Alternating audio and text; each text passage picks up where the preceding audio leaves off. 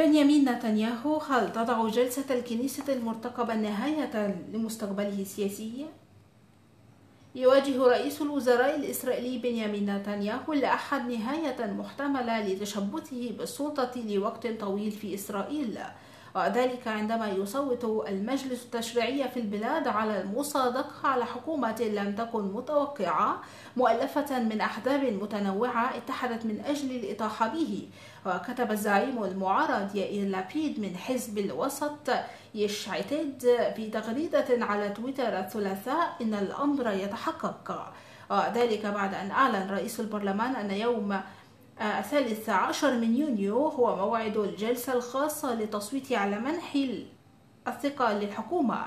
بحسب الوضع الراهن فإن الائتلاف المكون من أحزاب من اليمين ومن اليسار والوسط ومن العرب يسيطر على أغلبية في الكنيسة المؤلف من 120 عضوا وستؤدي الحكومة اليمين الدستورية في اليوم نفسه حال المصادقة عليها بحيث يصبح السياسي القومي نفتالي بنيت رئيسا للوزراء قال لبيد في تغريدته على تويتر إن حكومة الوحدة الوطنية في طريقها للتشكل من أجل صالح مواطني دولة إسرائيل.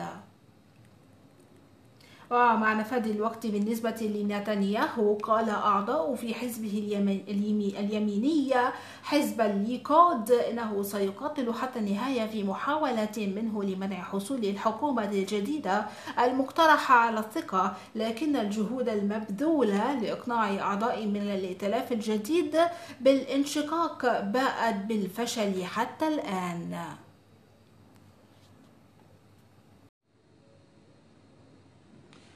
قضية الأمير حمزة محاكمة رئيس الديوان الأردني السابق باسم عوض الله والشريف حسن بن زيد الأسبوع المقبل. تبدأ محكمة أردنية الأسبوع المقبل إجراءات محاكمة رئيس الديوان الملكي السابق ومعه الشريف حسن بن زيد بتهمة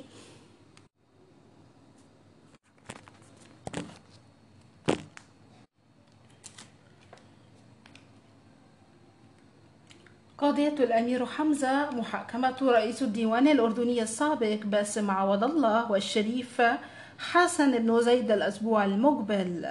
تبدأ محكمة أردنية الأسبوع المقبل إجراءات محاكمة رئيس الديوان الملكي السابق ومعه الشريف حسن بن زيد بتهمة التحريض لزعزعة استقرار النظام الملكي بحسب وسائل الإعلام الرسمية الأردنية يوم الأحد. وأحال ممثل الإدعاء الأسبوع الماضي قضية رئيس الديوان ووزير المالية السابق باسم عوض الله الذي لعب دورا كبيرا في خطة تحرير الاقتصاد الأردني وأيضا الشريف حسن بن زيد. قالت وكالة الأنباء الرسمية بترا يوم الأحد إن النائب العام لمحكمة أمن الدولة حازم المجالية صادق على قرار الظن الصادر على مدعي عام محكمة أمن الدولة في القضية المتعلقة بالمتهمين باسم إبراهيم يوسف عوض الله والشريف عبد الرحمن حسن زيد حسين. وبحسب لائحة الاتهام كلاهما متهم بالتحريض على مناهضة نظام الحكم السياسي القائم في المملكة والقيام بأعمال من شأنها تعريض سلامة المجتمع وأمنه للخطر وأحداث الفتنة. مسيرة الأعلام الإسرائيلية ما هي ومن يقف, يقف وراءها وما الهدف منها؟